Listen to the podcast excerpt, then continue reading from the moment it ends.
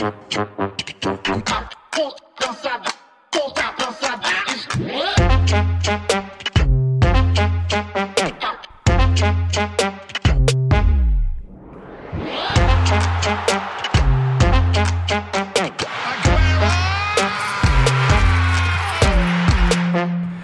er nok engang mandag, og selvom Superligaen stadig er på pause, ja, så ruller bolden nok engang her i studiet. Programmet er igen lidt anderledes skruet sammen, i hvert fald i første halvleg. Vi har ingen gæster i studiet, men skal bare vende, men skal ikke bare, men skal både vinde fyring af José Mourinho med fodboldekspert Chris Kaiser. Vi folder hele historien ud omkring Vejle-ejerskabet med Mads Velas fra bold.dk, og så gør vi status på Arsenals forfatning, der på trods af en tiltrængt storsejr i weekenden, har vaklet en del den sidste måneds tid. Det er, hvad der på menuen i første halvleg af programmet i anden halvleg, for vi til gengæld besøg af Kenneth Brogaard her i studiet, som er teamleder og sportslig ansvarlig for DBU Talent. Og sammen med ham har vi Søren Frederiksen og Anders Jokumsen med over en telefon. Vi dykker ned i, hvordan talentudvikling reelt foregår, hvad de etiske overvejelser er, hvilken udvikling der er, og hvordan talentudviklingen har rykket sig. Det bliver dagens menu, hvor jeg, Sebastian Pibels, er værs på programmet, mens jeg som altid er flankeret af selveste producer Kasper. Yes, fordi jeg sidder nemlig ikke alene bag mikrofonen. Du har nemlig også bevæget dig ind i studiet i dag. Velkommen til, Kasper. Tak, Sebastian. Og det er jo sådan, uh, måske en lille smule intimiderende, at vi ikke har far Frolund med, som det mindste i hvert fald til uh, at holde os i ørerne. Jeg har skrevet til ham hele ugen. Ja. Skrevet, skrevet hver dag, uh, men uh, vi blev enige om, at uh, vi tog lige en uges pause. Ja, så og det er ham, er ham vel ondt. Øhm, og derfor så hænger det her program jo lidt ligesom på øh, vores skuldre. Men vi har alligevel masser på programmet og masser af andre mennesker igennem, så det bliver ikke blot Kasper og jeg, som I skal høre på de næste to timer. Øh, lad os bare kaste os ud i det, som vi altid gør. Skulderklap og takling. Øh, Kasper, hvad har du taget med af skulderklap? Jamen, den går til de kongeblå i Lyngby, og måske også til Gylfi Sigurdsson, fordi at de er blevet enige om at gå hver til sit. Øh, og det tænker man jo umiddelbart er lidt ulykkeligt. Øh, og der er det jo i og for sig også, at det jo ikke er blevet forløst på nogen måde, og han har været meget skadespladet. Men jeg skulderklappet går til dem, fordi at øh, efter sine, at øh, grund til, at han forlader Lyngby, er, at han ikke ønsker at belaste lønbudgettet hos øh, Lyngby. Og det synes jeg egentlig bare er et skulderklap værdigt. I god stil. Ja, det synes jeg. Ja. Jeg synes, det er færre, det er selvindsigt, og det, ja. det synes jeg thumbs up herfra. Men man kunne så også godt give en takling til måske til journalistikken omkring, der får det til at lyde som om, at det er en eller anden kæmpe historie, men det er jo bare den her fine gentleman-aftale om, at mens han genoptræner, så er han ikke lige på kontrakt. Ja, det, det er jo det, man øh, får lyst til at tænke, ikke? Jo. ja, det er det. Jeg har også taget skulderklap med, øh, og det, øh, jamen, det går egentlig til den tendens, vi ser med, at øh, der er flere og flere spillere, der begynder at vende hjem allerede fra Saudi-Arabien efter den her vanvittige sommer, hvor der er blevet skudt en masse spillere afsted. Nu har vi set, øh, Jordan Henderson har skrevet kontrakt med, med Ajax Amsterdam, og det er egentlig ikke så meget øh, på Jordan Henderson, fordi ham kan man måske godt synes lidt af en, en hyggelig øh, af allerhøjeste grad måske, øh, men, men dermed, at selve sådan, tendensen vender, og det ikke blev det her endnu i hvert fald. Nu er jo stadig, jo stadig noget tid at løbe på, og stadig en masse dygtige spillere, som er derovre og bliver derovre, øh, men at det allerede så småt begynder at vende, eller det er catchet on så hurtigt, som så vi måske troede. Så det er mere en skulderklap til sådan udvikling? Ja, tendensen, at, ja. Som, øh, som Henderson jo bliver et symbol på. Så det er ikke så meget til de enkelte spillere, du tænker på? Fordi, fordi der får man jo lyst til at tænke, det er lidt hyggeligt, ja, ja, at det der, man tager ned 100, og Saudi-Arabien, det er 100%. den tredje bedste liga i verden. Ikke? 100 procent, men altså ja. for at det kan vende, så har vi også brug for nogle hyggelige jo i ja, den her ja, situation. Ja, Nå, men fedt. Øh, en takling. Jamen, den går til uh, Udinese-tilhængerne her fra ja. weekenden, som var ude efter Milans målmand Mike Man- Manjan, tror mm. jeg, han udtalte sig. Uh, og uh, man kan sige, på en måde kunne det godt være et skulderklap, for jeg synes, at uh, det er uh, på sin plads, at han reagerer og forlader banen. Og, ja, det, hvad der skete? Han må... Jamen, han, altså, der har jo ligesom foregået øh, noget i løbet af kampen, hvor at der er, har været nogle til racistiske, racistiske tilråb mod ham. Øh, og det reagerer han så på ved at forlade banen, og flere af hans holdkammerater bakker ham så også op og forlader banen. Og jeg tror, kampen var suspenderet i 10 minutters tid. Øh, så altså, det er jo en kæmpe takling for de her racistis, racistiske tilråb, men på en måde er det også et skulderklap for at, ligesom at reagere, og ikke bare sluge den her kamel, fordi mm. så, så, så, så, at, så sker der ikke noget. Så der, der skal ligesom ske noget, før der bliver sat en fod ned.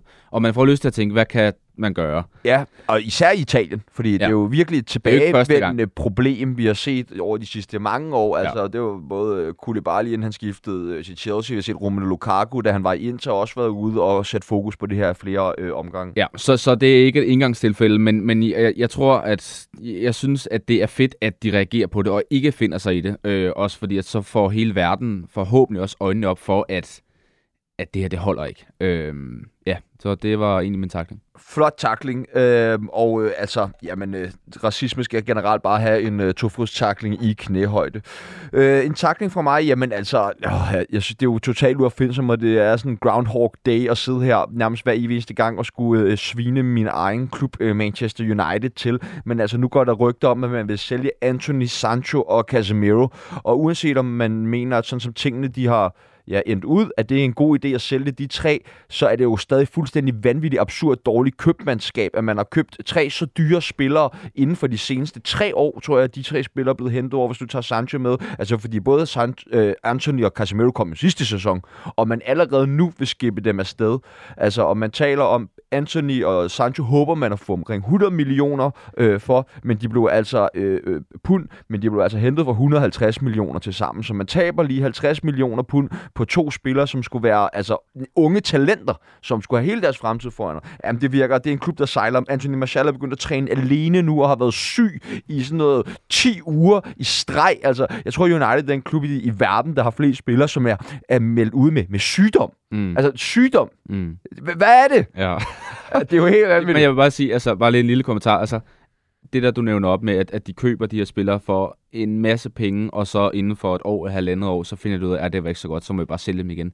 Jeg tror, det er en af de største årsager til, at international fodbold, og i hvert fald Premier League, at det på en eller anden er falmet lidt hos mig på en eller anden måde, fordi at, at ind, eller ikke indkøb, men pengene er så store, og det betyder faktisk ikke rigtig noget, hvis man lige misser, og du taber 50 millioner pund. Det, de skal nok klare den alligevel. Og jeg synes faktisk ikke, at det er så sexet på en eller anden måde.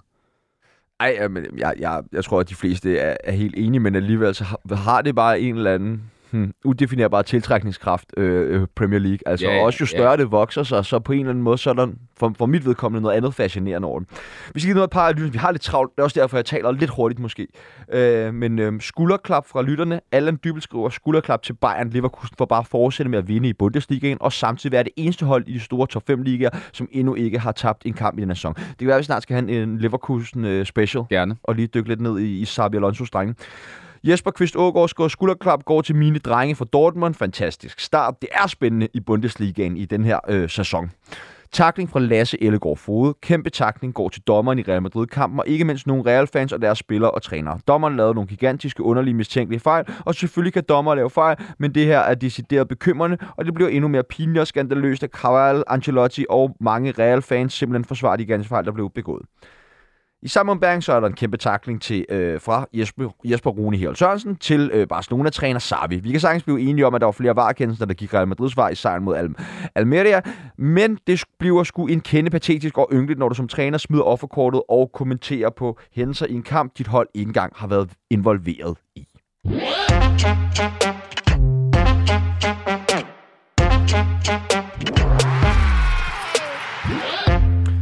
Nu skal vi til at kigge lidt nærmere på et af de Premier League-hold, der fortsat, men også op til sæsonen skulle udfordre Manchester City om Premier League-trofæet. Det har også langt hen af vejen set udmærket ud for The Gunners, men nogle af juledagene viste sig at være ganske hårde for Artetas tropper. Til at gennemgå Arsenals sæson får vi heldigvis hjælp fra en, der følger Arsenal meget tæt i tygt og tyndt. Det er Thomas Ballegaard, som er bestyrelsesformand for Arsenal Danmark. Hej Thomas, og tak fordi du lyst til at være med. Hej med jer, og tak fordi jeg fik lov. Først og fremmest, øh, hvordan er humøret øh, oven på øh, den her storsejr i weekenden over Crystal Palace? Jamen, øh, det, det hjalp jo lidt på humøret, efter vi har haft fire skuffende kampe, så øh, en 5-0 sejr, det kan få spillet tilbage og give lidt optimisme øh, her for den, øh, for den anden halvdel af sæsonen. Så det, det var fint. Det var fint, tak. Inden, øh, inden den kamp, hvor skidt så det så ud øh, i dine øjne for Arsenal? Ah, der var lidt, øh, der var lidt øh, sådan lidt, øh, lidt trykket stemning, øh, efter at øh, vi har sat vores, øh, vores førsteplads over styr med, øh, med tre rigtig dårlige kampe i Premier League og, og en meget hurtig exit i FA Cup. Øh, sådan et, et, et breakdown i forhold til, øh, forhold til de tidligere præstationer i sæsonen, og også et breakdown, som bragte sådan lidt øh, middels tilbage til sidste sæson. Det var skidt, og ikke, ikke, ikke mindst fordi, at uh, det var stort set samme hold, som har, som har spillet os op til førstepladsen, og lige pludselig så kunne de hold ikke præstere og sparke bolden ind. Så det så skidt ud. Har du et bud på, hvad det var, at der gik galt for det Arsenal-hold i den periode? Jamen, det har jeg. Øhm, altså, jeg, jeg, jeg tror grund, øh, grundlæggende ikke, at fodboldspillerne de bare bliver dårlige hen over en uge eller hen over en weekend. Så, øh, så de kvaliteter, spillerne de har inde, dem havde de også efter. Men det, som, øh, det, som vi så, det tror jeg, det har noget at gøre med, at vi simpelthen bare blev læst. Vi, vi har været for fastlåst taktisk, og øh, de modstandere, vi mødte, West, Liverpool, West Ham og Fulham, jamen de har gennemskuddet taktikken, øh, de har øh, spillet op mod den, øh, og vi var ikke i stand til at komme med andre løsninger. Vi prøvede bare det samme igen og igen. Og, og spillerne, de var, de var låst taktisk. Det, det, er sådan, det er mit bedste bud. Er det, ikke, er det ikke ret bekymrende? Altså, det lyder jo som sådan, hvis, hvis man bliver læst øh, af de andre hold, så er man i hvert fald nødt til at have en form for modtræk. Stoler du på, at Arteta og Arsenal ligesom har kapaciteten til det? Ja, det, det, det, det stoler jeg på. Men, men der vil komme øh, perioder i løbet af en sæson, hvor, man ikke, øh, hvor det ikke lige svinger. Det har vi også set for Manchester City, og det har vi også set for, for Liverpool. Øh, forskellen er, hvor lang tid var den øh, krise, og hvor, hvor mange point formår man at høste øh, i krisen, på trods af den spillemæssige krise. Så selvfølgelig er man bekymret på kort sigt, men, men det er ikke så noget, der får mig til at, at, at, at, at hænge mig ud i skoven i, i, i et ræb. Men, men jeg vil sige, at når man, øh, man, man hyrer en træner som Arteta, et ung og forholdsvis øh, uerfaren blad, så må man tage lidt tæsk ind i vej, øh, hen, ad, hen ad vejen. Altså man må tage nogle nederlag, der, og man må tage nogle, nogle fejl. Det bliver man nødt til at acceptere. Det kommer man også til at se, når man spiller en ny højreback ind. Han, han skal lov at lave fejl. Og det, det, jeg tror, det er det, vi så fra Arteta. Han blev ved med den samme taktik. Og samtidig så skal vi lige huske på, at det jo ikke, fordi vi ikke genererede chancer. Vi formåede bare ikke at sparke dem ind. Ja, og, og det her med ikke at få sparket øh, bolden ind, det peger måske også et problem, som jeg ved, der, der er mange i, omkring Arsenal i hvert fald, som taler om, øh, det her med, at man måske mangler en, en fast nier. Hvad tænker du omkring det? Ej, det var der noget, der tyder på, fordi øh, vi, har jo ikke, vi har jo ikke sådan en, en bomber, ligesom øh, Holland eller Harry Kane, der bare leverer de der 25 mål per samler. Men det har vi ikke haft siden Aubameyang, øh, Alexis Sanchez og, og Van Persie. Og det, øh, det vil være en umiddelbar konklusion, at vi mangler sådan en, men det, det, er ikke, det er bare ikke den måde, Arteta han har spillet på indtil videre, og vi har ikke haft problemer med at score. Netop så har vi jo haft den fordel, at vores mål de er kommet fra rigtig mange fødder. De er kommet fra Saka, Ødegaard, Martinelli, Nketiah og Gabriel Jesus, og det er svært at dække op for. Og den måde har Arteta spillet på, og det har han haft tillid til indtil videre. Og når vi så har et øh, sådan et kollektiv setback, så, så mangler man goalgetteren, der bare kan sparke dem ind på samlebånd. Det må man bare sige. Det kunne være rart at have en, men det har vi ikke i vores trup, og jeg tror heller ikke, vi får det sådan umiddelbart. Thomas, jeg har jo en eller anden kæphest i forhold til indkøbet af Kai Havertz. Altså, den, den har jeg prøvet at, at vinde med en hel masse folk. Øh, også ja. fordi, at øh, der blev øh, brugt en del penge på ham, og han er jo ikke den her sultne ni, og han er jo måske lidt en, en mand, der hænger lidt bag angriberen i stedet, og bruger faktisk også øh, meget på 8-positionen. Nå, men jeg vil egentlig bare høre, hvad er dit take på hans første halvår i Arsenal? Øhm, jeg er optimistisk omkring ham. Jeg, jeg stiller mig ikke op i hyldekodet omkring, at han er et fejlindkøb, men jeg kan godt, for, godt forstå dem, der siger det. Øhm, han, han var ikke funklerne i Chelsea. Der vil jeg sige, at han, han var øh, han blev fejlplaceret, og han var inde i et øh, kollektiv, der ikke fungerede særlig godt. I Arsenal, der kommer han ind i et, et, et system, og han var lidt hæmmet af i starten, at vi havde nogle skader, så der spillede han også off-position. Men jeg synes, når han spiller på sin foretrukne plads, som er, som du siger, et sted midt mellem øh, angriberne og, og midtbanen, og i, i særdeleshed også lidt ude i siden. Når han spiller der, og han har fået lov at spille der et, et par kampe, så leverer han. Øh, så leverer han varen. Han kan også levere mål, han kan levere oplæg, og han tilfører noget andet end, øh, end Granit Xhaka for eksempel gjorde. Så, ja. så jeg har taget, stadigvæk tiltro til, at det vil komme til at virke. Men det er ikke en plug-and-play-løsning, som for eksempel Declan Rice. Men sidder sidder du med følelsen af, at han er kommet ind med noget, som du føler, Arsenal har manglet? Ah, ikke i samme grad som Declan Rice. Altså, øh, det er svært at se, øh, at hans, lige præcis hans brik var uundværlig i, øh, kollektivet, det vil jeg sige. Det vil jeg medgive. Øhm, i, I forhold altså jeg tror inden sæsonen, så var der mange eksperter og øh, neutrale øh, tilskuere, som ligesom vurderede, at Arsenal var i hvert fald, eller mm, højst sandsynligt var første udfordrer til øh, Manchester City i, i den her sæson. Øhm, hvordan ser du på Arsenals øh, chancer for at blive øh, engelske mestre i år? Lige nu er de jo fem point øh, bag øh, Liverpool på førstepladsen hvordan ser du på deres chancer? Og lad os nu sige, at de ender på de her 5-6 point efter en første og en anden plads. Vil det så være en godkendt sæson for Arsenal? Ja, det vil stadigvæk være acceptabelt. Øh, vores, vores mål, øh, det var det også, øh, det var det i højere grad i år end sidste år, er ikke nødvendigvis at gå hen og blive engelsk mester, fordi der, der er en uhyre skarp konkurrence, men vores mål er at komme til at spille med om, om guld. Sidste år var vi glade for bare at komme i Champions League. Øh, nu vil vi gerne spille med, og øh, det synes jeg stadigvæk, vi gør. Vi har formøblet et forspring, vi kan hente det igen. Så der vil også komme krise til Liverpool og Manchester City. Og øh, jeg, jeg tror, det er alt for tidligt at begynde at snakke om, at vi er afskrevet i det spil. Men jeg synes ikke, vi er favoritter til at ramme med guld. Det, det, det, det vil være for, det vil alligevel være for blåret at sige. Hvor længe kan Arteta øh, leve med bare at spille med om det engelske mesterskab? Det vil han kun længe. Øh, der er ikke det kæmpe pres på hans skulder, om han skal levere et mesterhold hver år. Øh, der er andre turneringer at, at spille med om, og der er også andre trofæer at hente. Så, så hans succes står ikke alene og falder med, at vi skal blive engelsk mester.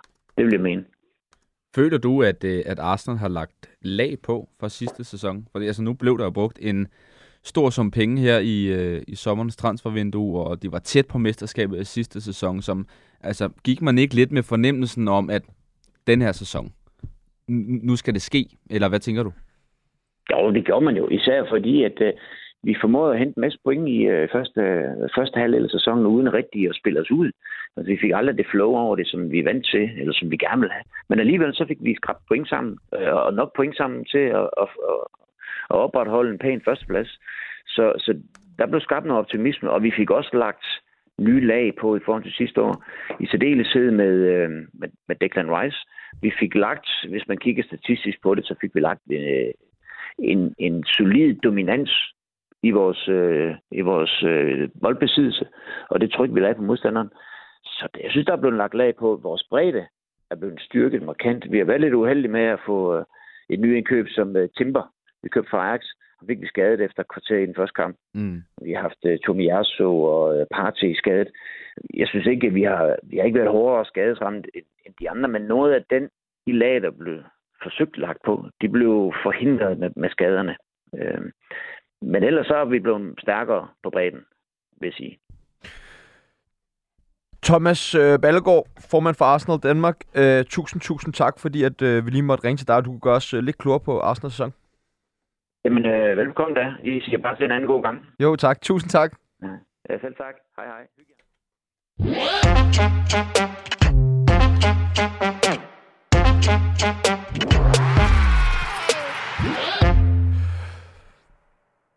Vi vender tilbage til egen andedam, og tilbage til en sag, som vi kort berørte i sidste uges program. Det handler selvfølgelig om hele sagaen omkring ejerskabet i Vejle BK, der endte med at falde til jorden på grund af den ene lortesag efter den anden. Men nu tager vi den sag op igen, for vi har logget med i programmet, som er meget mere inde i sagen, end vi er, og det er Mads Velas fra bold.dk. Hej Mads. Hej så.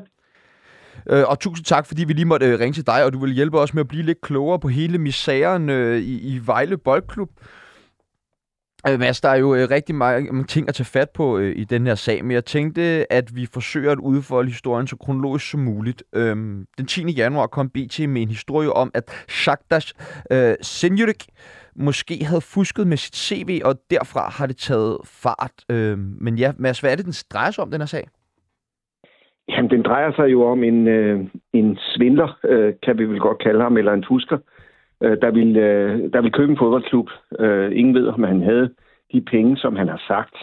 Men, men, men tiden går jo lidt tilbage fra før den, øh, den, den 10. januar, for, for allerede mellem jul og nytår gør han jo sit indtog i, øh, i Vejle.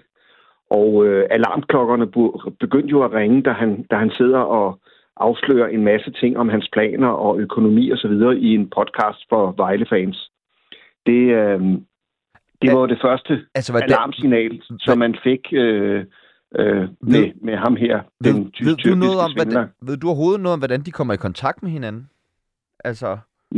Nej, men han var, han var jo til at komme i kontakt med, og han reagerede jo også, når han fik henvendelser på LinkedIn.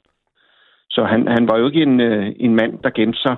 Og normalt, når man skal lave den slags øh, handler, og, og i, i den størrelsesorden, så øh, er man jo i, ja, i 99,9 procent af tilfældene jo tavs, før der er skrevet noget under, og før der, der er lavet en aftale. Det, det ved vi jo godt. Øh, men, øh, men det var han jo ikke her. Han var jo, han var jo voldsomt i offensiven og, og, og, og frem i skoene for at, at fortælle offentligheden, hvad han ville og hvad han kunne. Og, og det viser jo, at ja, han kunne ikke noget. Men, øh, men det udstiller jo lidt af problemet med alle de udenlandske ejerskaber, vi har i, øh, i dansk fodbold. For, for, for det her var jo, var jo en handel mellem to privatpersoner. En handel mellem øh, Slotko øh, og Claus Eskildsen, og så med, med Shakhtas. Øh, og, og, og der er det jo svært at gøre noget, så, så øh, redningen her øh, har jo været helt sikkert øh, de nye regler, der er blevet lavet i divisionsforeningen om ejerskab. Ikke kun udlandsk ejerskab, men generelle ejerskaber af fodboldklubber. Og det kom jo med baggrund i det, der, det, der skete i Fremad Amager og Jammerbugt. Hvad, hvor, hvad er det for det nogle ændringer, der præcis er lavet? Jamen, der er lavet nogle ændringer, hvor de skal leve op til en, en, en række regler, øh, som, som gør nogle økonomiske regler, og der skal, altså, divisionsforeningen sætter for eksempel uvildige folk til at gennemgå det materiale, som bliver lagt frem. Og de skal kunne dokumentere, hvor pengene kommer fra. Øh, så, så man ikke øh, havner i en situation, så det er nogle penge, der er stjålet, eller det kommer fra, ja, fra narko eller, eller den slags.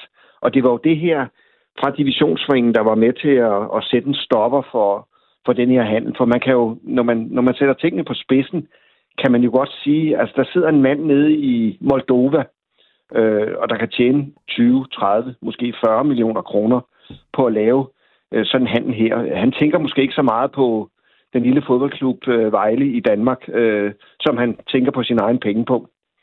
Øh, men, øh, men, men hele øh, misæren her blev jo blev stoppet af, af divisionsringen, for som, som jeg har hørt og forstået det, så var der jo ikke, altså der var jo ikke grundlag for det her, den her økonomi, som, som manden kom og sagde, han, han, han havde og ville placere i Vejle. Øh, men altså, finder man, har man fundet ud af, hvem er øh, øh, øh Sagas øh, Sønjerik? Det har man jo ikke, og det, øh, jeg ved aldrig, om man, man nogensinde finder ud af det. Altså, det, det, det interessante var jo også, at der Vejle fik mistanke om, at der var, der var noget galt. Øh, så sender man jo øh, øh, kommunikationschef Morten Pelt ned til, til, til Kiel for, for, for at se, om der, der er hold i, øh, i alle de ting, han har sagt, og de øh, professortitler, han har, han har pyntet sig med. Øh, og de kunne jo heller ikke finde ud af noget der, og, og, og det var jo derfra, kan man sige, øh, Øh, alarmklokkerne for alvor virkelig ringede højt. Men, øh, men det er jo klart, altså mange har måske undret sig over, at der har været sådan en tavshed blandt ledelsen i Vejle. Men det har de jo været nødt til, fordi de stod lidt mellem to stole, fordi det netop var en handel, der ville foregå mellem to private mennesker. Men altså, det er jo, det er jo meget opsigtsvækkende af, af, af folk fra Vejleledelsen, Henrik Tønder, Morten Pelker og andre i den kreds, hyrer et, et, et, et firma øh, og betaler penge af egen lomme for at, at undersøge øh, øh, den her nye mulige ejer. Altså det er, det er meget opsigtsvækkende, øh, øh, og det viser jo, kan man sige, lidt om den kærlighed, som, som, som de folk fra Vejle har til den fodboldklub. Du nævner selv, at kommunikationschefen han, øh, han tager til Tyskland for ligesom selv at lave sin due diligence. Øhm, er, er det noget, øh, altså gør en kommunikationschef i en klub normalt det? Nej, det er det ikke, men det, det, det er også ret opsigtsvækkende, må man sige. Altså, det, alt, der er foregået i den her sag, er jo, er jo, er jo meget opsigtsvækkende. Men, men det er jo klart, øh, at Morten Pelker har sit kommunikationsfirma og har også lidt med erhvervslivet at gøre, og han, han fatter jo også mistanke til, at der er noget, der er galt. Og den øh, bedste måde, man kan, når man, når man har en mistanke, det er jo at, at undersøge det. Og når man ikke kan få bekræftet de ting, som, øh, som, som anden udgiver sig for at være, så, så ringer alarmklokken for alvor. Men jeg tror da, eller man kan da håbe, at, at Solotko har lært af det her, selvom han, han selvfølgelig gerne vil tjene millioner på sin investering i Vejle, til at når klubben skal sælges, fordi jeg er sikker på, at klubben øh, bliver solgt måske øh, til sommer eller, eller på et senere tidspunkt, at der bliver lavet en ordentlig undersøgelse af dem, som kommer og vil, vil købe klubben. Øh, Mads, jeg skal bare lige forstå det, eller, og det kan også godt være, at du heller ikke øh, øh, altså kan svare på det, men ved man noget om, hvordan skulle snyden foregå? Altså, var det, fordi de ikke havde pengene til at købe klubben, eller altså, hvad, hvad var fidusen? Altså, som jeg har hørt det, så øh, har divisionsforeningen ikke kunne ligesom finde dokumentation for, at han havde pengene, og også hvor de kom fra. Og det er ligesom, det er ligesom afgørende for, at, at det her kan føres ud i livet. Han, altså Shakhtas, øh, vores tysk, tyrkiske ven der, sagde jo også, han havde et møde i, øh, øh, i sidste uge med divisionsforeningen, og han havde et møde med sine, sine advokater i, i København, hvor han ville komme til Danmark. Men, øh, men altså, jeg talte med, med divisionsforeningens direktør, øh, Claus Thomsen, der, der meddelte, at de har ikke haft noget møde med, med Shakhtas. Så, øhm, så han har nok holdt øh, møde inde i sit eget hoved med sig selv, øh, som, som han jo, altså han, han er jo det, man, man med rette kan betegne som en, en fantast. Og øh, dem er der altså nogle stykker af, som, øh, som man skal være på vagt for, men, øh, men øh, jeg tror, at divisionsforeningen øh, er glad for i dag, man lavede de her regler, man indført for, for to år siden, for ellers, ellers skulle det være gået grueligt galt i Vejle. Vil, vil du anskue, at, at det her det er et tegn på, hvor skrøbelig sådan de danske klubber er, eller vil du mere se det som om, at, at det, der, det faktisk er positivt, at de har divisionsforeningen i ryggen? Altså, jeg synes, det er positivt, at man har lavet de regler i divisionsforeningen. Fordi mange troede, de kun blev lavet af hensyn til udenlandske ejerskaber, men de er også lavet af, de er lavet af hensyn til ejerskaber generelt. Og, og de regler har jo gjort et eller andet sted, at man, man er blevet mere opmærksom, man er blevet frem for alt mere grundig Øh, fordi det er, jo, det er jo alfa og omega i dag at være grundig, når, øh, når, når en fodboldklub skal skifte ejermand. Øh, ellers så ender man i de situationer, vi, vi har set med, med ja, Jammerbugt, hvor, hvor det jo var, ja, det endte i en, i en katastrofe for mm. klubben og, og for alle de mennesker omkring klubben. Og Fremad Amager var jo også ved at ende øh, grueligt galt øh, med, med russisk ejerskab, øh, som, som, som hvor klubben blev reddet på målstregen. Det, det, øh, det kan selvfølgelig godt ske igen. Øh, det skal man ikke udelukke, men, men nu er der trods alt nogle, øh, nogle skærpede regler, som gør, at man, øh, at man er meget mere grundig, inden man giver den her licens. Altså, øh, og, og det er jo helt afgørende at få licensen. Det, det, det er fint nok, at, at to parter er enige om at handle en fodboldklub. Men, men hvis ikke divisionsforeningen vil udstede den her licens, som gør, at man må skrive kontrakter, så er det jo fuldstændig ligegyldigt, at man har købt en klub det er det, der er helt afgørende for en handel. Det var jo sådan rimelig uh, intenst uh, 10 dage streg, kunne man, når man kunne følge med ind på Bold.dk eller på BT eller, eller et helt tredje medie, men nu er der jo kommet sådan lidt stillestand, virker det til. Øhm, vil du også vurdere, at sagen ligesom bare er lagt ned nu? Ja, den er lagt fuldstændig ned af, af mit indtryk. Af, øh, jeg tror ikke, han kommer tilbage og viser sig i Vejle. Øh, det er slut, og Øh, altså, hvad jeg forstår, så Solotko og, og Claus Eskildsen, de holder klubben nu til sommer. Og så må vi se, hvad der sker til sommer. Der er Vejle stadig i Superligaen, eller er de rykket ud?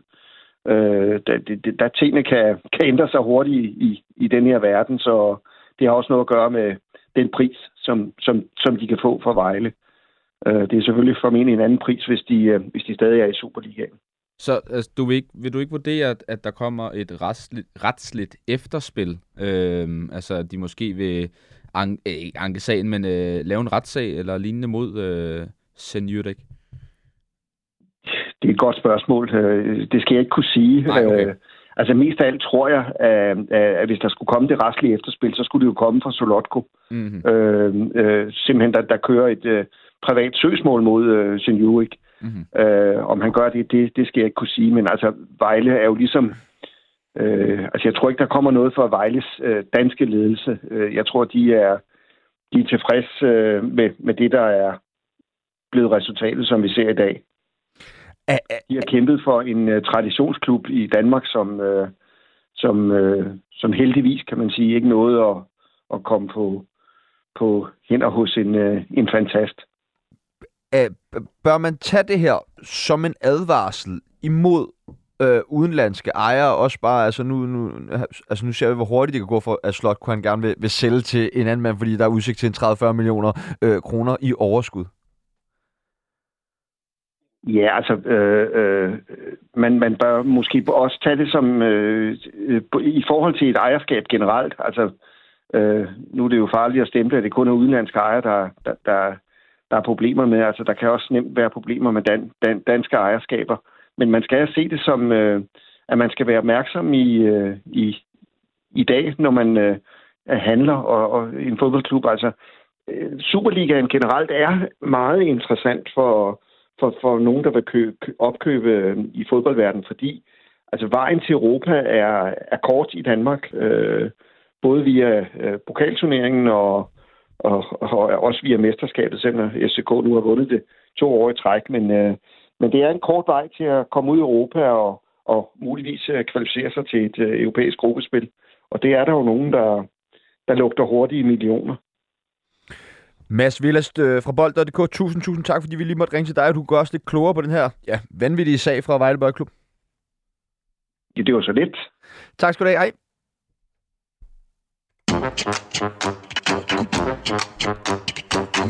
I sidste uge kom det frem, at 60-årig José Mourinho er færdig som cheftræner i italienske Roma efter en noget skuffende sæson.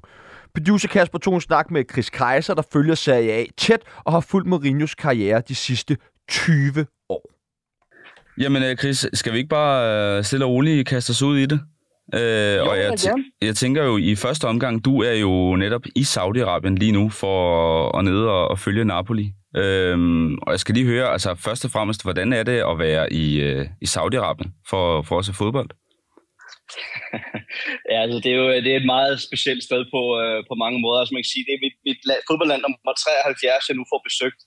Og øh, altså, det er, det er bare et underlig, en underlig fornemmelse at være her, fordi det er jo sådan, at, at man kan sige, selvom Saudi-Arabien har udviklet sig meget i løbet af de sidste 10 år, øh, hvor at, øh, kan man sige, kvinder har mulighed for at køre bil og alt muligt andet, så er der bare stadigvæk en hulsmasse ting, der ligger nede under overfladen. Og alene bare på mit eget hotel her, så må øh, kvinder ikke gå i, øh, i, i Fitness World eller i fitnesscenter fra, øhm, øh, eller kun imellem klokken 12 og klokken 2 om eftermiddagen. Så okay. det vil sige, at de har kun et to, to timers vindue, hvor de har mulighed for at gøre det. Og ellers, altså det at være til fodboldkamp, nu kan man sige, nu havde uh, Napolis fans uh, fra kurve A og kurve B havde jo simpelthen boykottet uh, kampen mod Fiorentina her forleden dag i, i semifinalen, så derfor var det bare et, et mennesketomt stadion, hvor de angiveligt sagde, at der var lige under 10.000, men der var jo nok nærmere omkring 7.000. Okay. Uh, og der er, jo, uh, der er jo bare nogen form for, ja, altså, jeg kalder det jo falske fans. Altså, øh, selvfølgelig kan man være fan af en fodboldklub over, over hele jordkloden. Øh, det er jo måske selv et godt eksempel, eksempel på, i og med, at jeg er fra Danmark. Mm. Men, øh, men, men elsker mit elskede Napoli. Men, men, men, men det her, det var bare, øh, det var så, hvad skal man sige, så falsk og, og, og lignede mere en parodi på, på et eller andet. Øh, og så, så prøver man på en eller anden måde at, at få det til at se ud som om, at det, at det er noget rigtigt, noget ægte, noget oprigtigt men man falder bare ned mellem to stole. Altså, øhm, folk, folk står med de her øh, romerlys på, øh, på, øh, øh, på stadion, og det er jo ikke til at normalt at have den slags med ind. Man bliver normalt visiteret af alt sådan noget, mm. og man kan bare se, at hele setupet er fuldstændig øh, altså fejlagtigt på en eller anden måde. Det, her banner, der kommer op i løbet af anden halvleg tæt mod slutningen, hvor der står øh, Lazio Merda, og det er jo sådan noget, det vil Napoli-fans aldrig nogensinde øh, sætte ind på stadion. Altså nede i Napoli, der er der stadigvæk et fantastisk banner af Mauricio Sarri, mm. øh, som jo er, er hvad hedder det, um, øh, den tidligere Napoli-træner. Og angiveligt så skulle det her banner, der været sat op, bare på grund af uh, Sarris øh, udtalelser omkring det her med, at det var blevet afholdt i Saudi-Arabien. Så, så, øh, så det hænger bare ikke rigtig sammen øh, på, på kryds og tværs, og i hele taget er det bare sådan et... Øh, ja, det, det er bare, øh, det føles ikke ægte, det føles ikke oprigtigt, det føles ikke som, øh, som det at se fodbold, øh, som vi kender hjemme i Europa. Men, men alligevel gætter jeg også på, det må alligevel også være lidt af en oplevelse på en eller anden måde at se, hvor, altså se øh, elefanten øh, altså med egne øjne på en eller anden måde.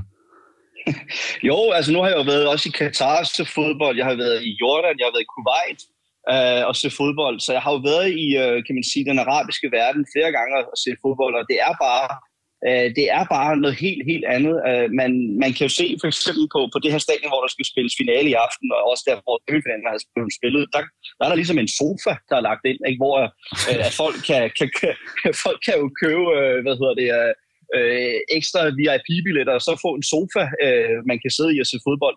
Og det er jo ikke fordi, at, at der er for så vidt noget galt i det. Det gør vi andre jo derhjemme fra vores egen personlige sofa. Men det, det føles jo bare øh, forkert, når man er til fodboldkamp. Og så nede i, i foyeren, når man kommer ind, så kunne hjælpe, når der ikke er en eller anden øh, herre, der spiller på saxofon og den ene dag, og ellers trompet den anden dag. Og det er jo ikke fordi, der er noget galt i det, men det føles bare øh, helt forkert i forhold til den måde, vi gerne vil have det på. Og jeg bemærkede også til, øh, til Inter Lazio-kampen, der blev spillet efter øh, Napoli-Fiorentina, der var der jo så nogle tilrejsende Interfans, der var, der var taget hele den lange vej fra Milano at der forsøgte de jo så at hænge det her banner ned foran et reklameskilt, fordi der har de jo altid deres Kurva Nord banner mm. på, på stadion, og det var der jo så nogle lokale sikkerhedsfolk, der forsøgte at slæbe væk, fordi at det selvfølgelig skærmer for, for den reklameband, der er. Og det er jo bare det der med, hvor du, hvor du clasher mellem øh, kan man sige, fodboldkulturen, som vi kender i Europa, mm. og så de her folk, der tænker i kroner og øre øh, i, øh, i Saudi-Arabien. Så det, det, er en, øhm, det er bare et farligt clash, der, der på en eller anden måde er. Men, men selvfølgelig, samlet set er det jo stadigvæk en vild oplevelse. Og hver gang, at jeg, jeg besøger et nyt land, eller, eller ser en ny fodboldkamp, så hælder jeg et eller andet ned i rygsækken, som jeg tager mig med videre i hvert fald. Og så lige sidste spørgsmål omkring øh, Napoli. De skal jo møde Inter i aften. Øh, altså, hvordan er mavefornemmelsen omkring den kamp? Ja, ja altså, jeg vil sige, det er jo en finale, og øh, når man er, først og fremmest er jeg jo glad for, at det er et sted, når det nu skal være det her setup, så er det trods alt glad for, at det er de forsvarende mester, der møder de forsvarende pokalvindere mm. øh, i den her finale. Så det er trods alt det mest og rigtige, hvis man, kan, hvis man skal se på det rent historisk. Men det er klart, at, at Inter er selvfølgelig øh, svag favorit øh, til det her. De spiller for rygende fodbold og kunne fuldstændig have ødelagt øh, Lazio forleden i, i forhold til resultatet. Og, og Napoli kæmper stadigvæk mere med det øh, spillemæssigt. Man har også et nyt system, man er gået over til, hvor man jo prøver med tre mand i bagkæden. Så det, det, er, det er en meget, meget øh, kan man sige, blandet øh, følelse i maven. Jeg, jeg, jeg håber jo altid det bedste, men man kan også godt frygte, at, øh, at Inter kan gøre det ondt med Napoli i dag. Men jeg tror dog ikke rigtigt, at, at Inter kommer til at skille nogen ad, hvis det er. Øh, og i hele taget, så er bolden jo altid rundt, så vi, vi ved jo, at, at noget kan ske. Så, så øh, jeg håber, øh, men, øh, men, øh, men jeg tror, det bliver, den bliver, det bliver en hård kamp, og det bliver et sæt. Så øh, måske skal vi ud i konkurrence. Vi krydser fingre i hvert fald for, at det, det bliver spændende, når man også øh, står på tribunen og, og følger sit hold. Men, ja, for pokker. Men hvis vi nu lige lægger den snak ned omkring øh, Napoli, og så lige vender den på det, vi faktisk skal snakke om, og det er jo den her fyring af José Mourinho i, øh, i sidste uge, øh, efter hans tid i Roma. Og først og fremmest vil jeg egentlig gerne høre, øh, var du overrasket? Øh, nej, altså jeg var jo ikke så overrasket. Man kan sige, at at det har jo været en uh, lidt nedadgående spiral for, for Roma og, og José Mourinho, ikke? Og, og starte ud med, med to 6. pladser, og så ellers en 9. plads på, øh, på nuværende tidspunkt, da det var, han bliver fyret. Og det, det, er jo, øh, det er jo selvfølgelig ikke helt godt nok uh, i forhold til, at man kan sige, at, uh, at Roma har jo, um, har jo investeret ufattelig mange penge, og har faktisk det tredje højeste lønbudget i, uh, i CA. Så man har jo ligesom øh, spændt buen øh, rigtig, rigtig hårdt op og ligesom satset benhårdt på at komme i, i top 4 og dermed øh, hvad skal man sige, indkassere de her mange Champions League-millioner. Så, så det har ikke helt været, øh, været godt nok, øh, når man sådan ser rent resultatmæssigt. Og derudover, så kan man sige, at rent spillemæssigt, så er der jo også øh, for lidt udvikling i spillet. Altså man, man, man skaber stadigvæk for lidt, selvom at man alligevel er fjerde eller femte mest scorende hold i, øh, i CA, og, og i hele taget ikke, kan man sige, tager nok greb om, øh, om kampene. Øh, det er jo sådan, at man kan sige, at øh, boldbesiddelse er ikke nødvendigvis et, et tegn på, at du, du vinder fodboldkampe, men det er et meget godt redskab øh, mod at vinde fodboldkampe. Og der, der ligger de altså kun lige lidt over 50 procent boldbesiddelse, så det er jo ikke, øh, det er jo ikke fordi, det er, det er berusende fodbold på nogen måde, og så får man samtidig en hulens masse advarsler, og José Mourinho blev også selv udvist i tid og utid, mm. og det er jo hele tiden det, der har fået øh, freaking øh, group, altså de her amerikanske ejere til ligesom at sige, okay, nok er nok, og så må vi jo, øh, så må vi jo prøve noget andet, og det har de jo så gjort ved at, ved at hente en, øh, en legende i Daniele Dossi, som jo fik debut her i weekend mod øh, Verona. Men du nævner det her med, at det ikke har været øh, sprudlende fodbold, og det måske heller ikke har været den mest dominerende i forhold til boldbesiddelse, men altså, det er vel ikke... Mourinho har vel aldrig rigtig været kendt for, for det, altså sådan, så jeg tænker, på den måde kan man vel ikke være sådan helt vildt overrasket? Nej, men, men altså, du kan stadigvæk sige, at øh, nej, det kan godt være, at det aldrig har været super berosende, men, men du kan alligevel tage sæsonen i Real Madrid, hvor han jo laver rekord. Øh, jeg mener, mm. de scorer er det 125 mål eller noget andet i den sæson, som er jo rekord. Mm. Så der har jo været øh, eksempler på også, at han kan, han kan spille øh, forrygende og fedt offensiv fodbold. Men, men selvfølgelig er det alligevel øh, resultatorienteret, men problemet er jo så bare, når resultaterne ikke følger med. Altså tager du tilbage i, i tiden med, med, med Chelsea, der da han kommer til i, øh, i efteråret 2004, efter han har vundet øh, Champions League med Porto i, i sommeren øh, 2004, mm. der, der fejrer han jo alt af bordet. De taber jo ikke en hjemmekamp i, øh, ja, gud ved hvor lang tid, i umenneskelige tider. Der har han jo ligesom resultaterne med, til trods for, at det ikke var nødvendigvis øh, berusende fodbold og offensiv fodbold osv. Så, videre. så, så det er jo sådan en, en, en kobling af det. Selvfølgelig, hvis det var, han var han havde bragt øh, Roma i top 4, øh, så kunne man nok fra, fra ledelsen sige, okay, vi, vi, vi arbejder videre med det, vi brygger videre på det her, men, men når, man, øh, når man ikke leverer det her, til trods for, at han har fået midlerne til det rent økonomisk, så, øh, så har det ikke været helt godt nok, og så, øh, og så, hvad hedder det, øh, så, så har de jo så valgt at sige, at, det, at de vil prøve noget andet. Men, men jeg tror, det handler meget om, at man også er meget træt af, øh, at, at Mourinho hele tiden, altså der er jo altid en røgsky, hver gang han forlader et, øh, et, et, et pressemøde eller, eller et lokale. Han efterlader jo altid øh, et, et mindesmærke, om jeg så må sige, både på godt og ondt, og jeg tror bare, at de her amerikanere har nok alligevel følt, at det har været lidt for meget af det gode, når, når alt kommer til alt. Og hvad, altså, fordi han, han ender jo faktisk med at hive øh, trofæ til, til Roma, og hvad, hvad vil du beskrive, altså hans aftryk, han har fået sat i Roma?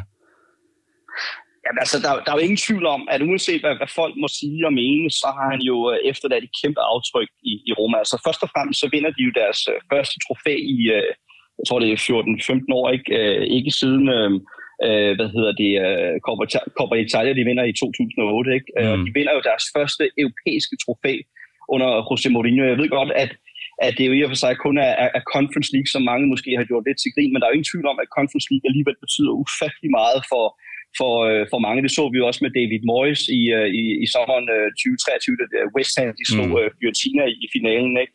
Og det ender jo med, at han får jo tatoveret øh, Conference League og, og Europa League-trofæet, og så også Champions League-trofæet, fordi han jo er den første træner i fodboldhistorien, og den eneste, der har vundet alle de tre øh, europæiske turneringer. Mm. Øh, og de bliver, jo, øh, de bliver jo fejret i byen med øh, åben bus og, og kører ned omkring øh, Colosseum og så videre. Så, han, så betydningen og det her aftryk har jo været helt, helt enormt. Øhm, og, øh, og ellers er det jo også vigtigt, synes jeg, at, at, at fremhæve, at, øhm, at før Mourinho kom til, der var det jo sådan, at man havde knap og nap øh, et halvt fyldt Olympico, Øh, men altså nu her har man jo haft udsolgt i mere end 40 øh, hjemmekampe i træk med, øh, med Mourinho.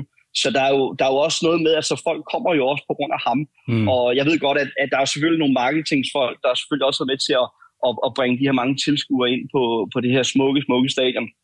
Men der er jo ingen tvivl om, at det handler også om, at, øh, at Mourinho har en eller anden måde øh, og evne til at kende folk og få, få alle folk til ligesom at gå i hans retning. Om det så er spillerne, eller om det er fansene, så, så har det med ligesom at, at, at samles omkring ham. Og, og man kan jo også bare sige, at, øh, at, at, at da han jo hedder det bliver fyret, der, øh, der er det jo alligevel sådan, at, at han, han forlader grædende uh, træningsanlægget, ikke? fordi at uh, han er trist over, at han nu skal væk herfra. Så der er, der er en eller anden fælles kærlighed, som, som vokser, når Mourinho er der.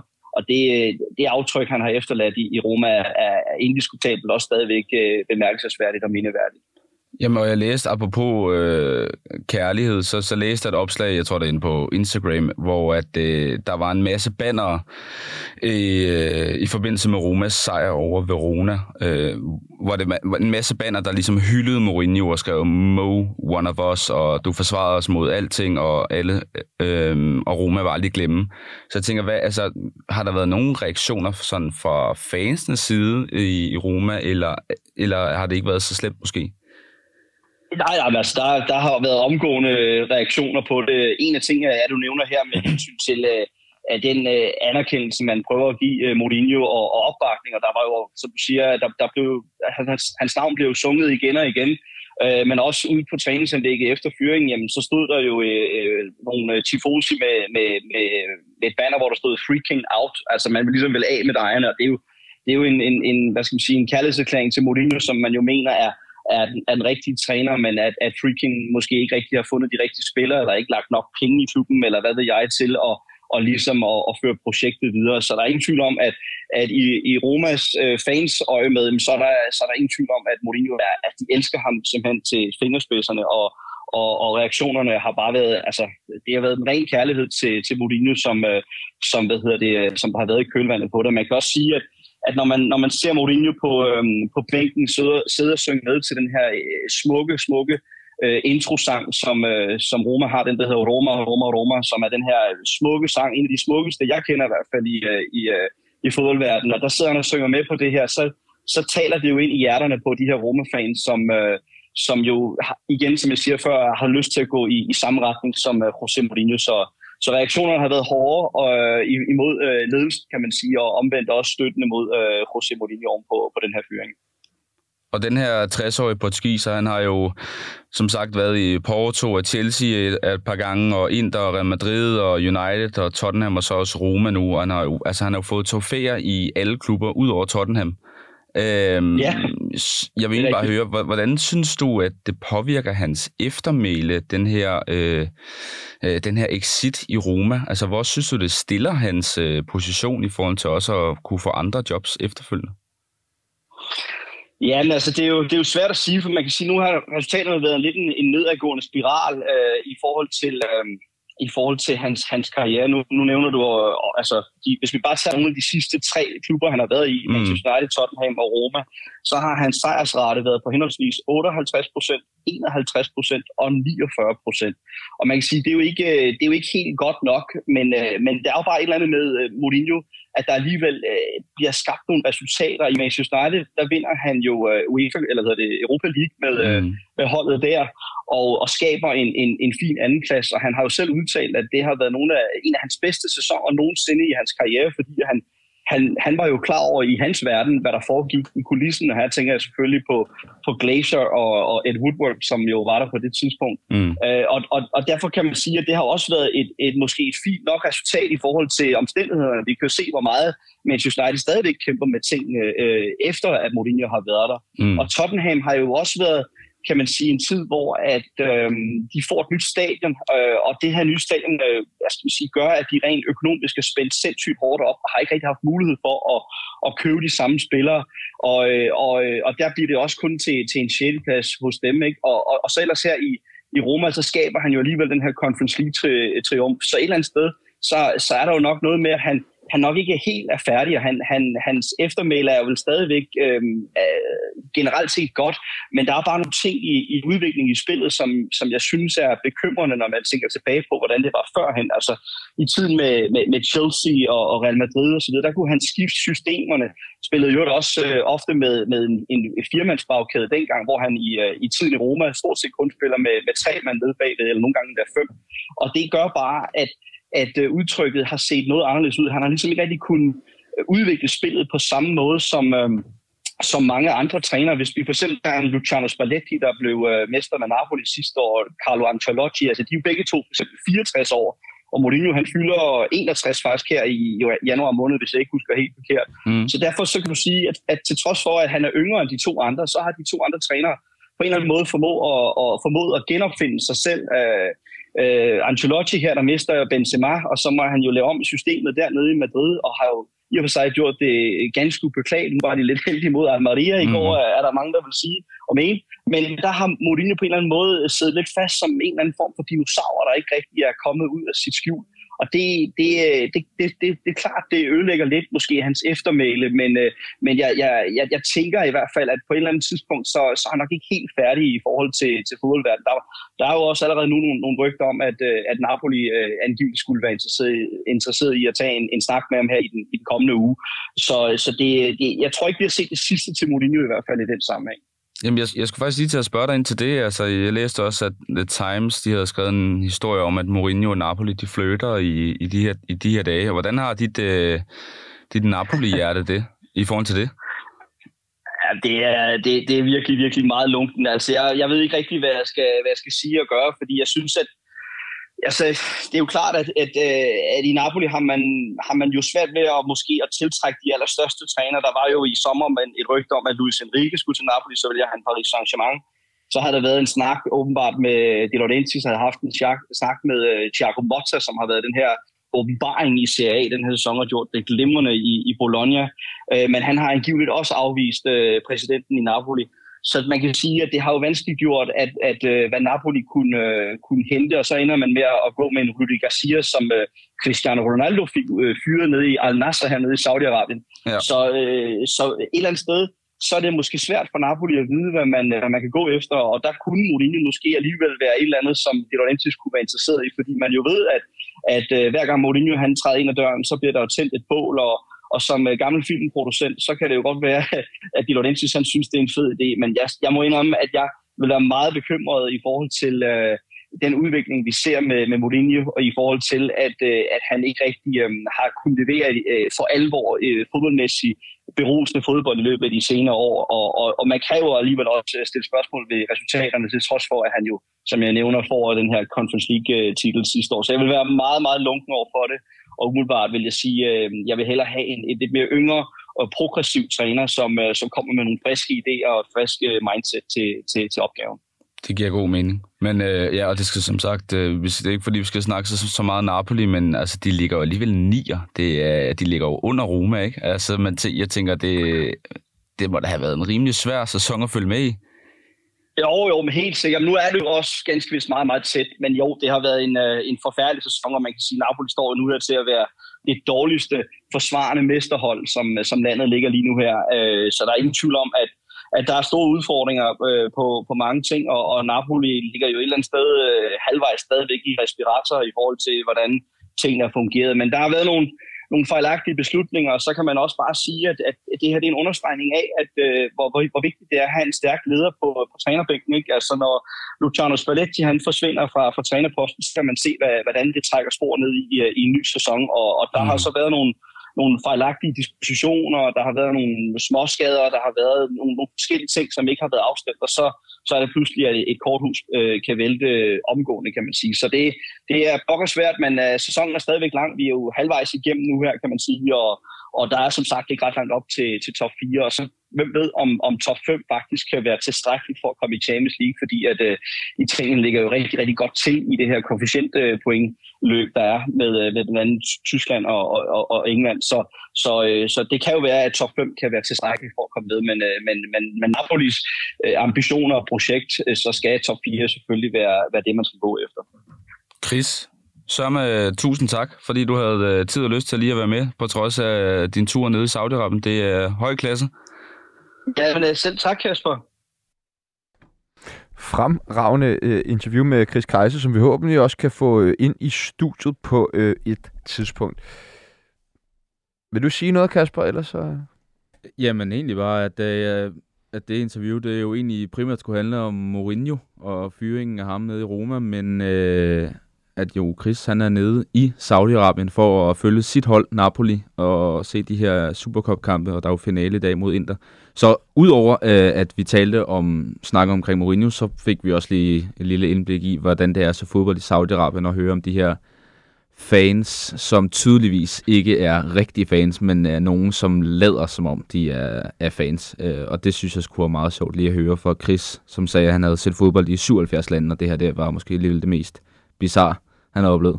Nej, det er skørt.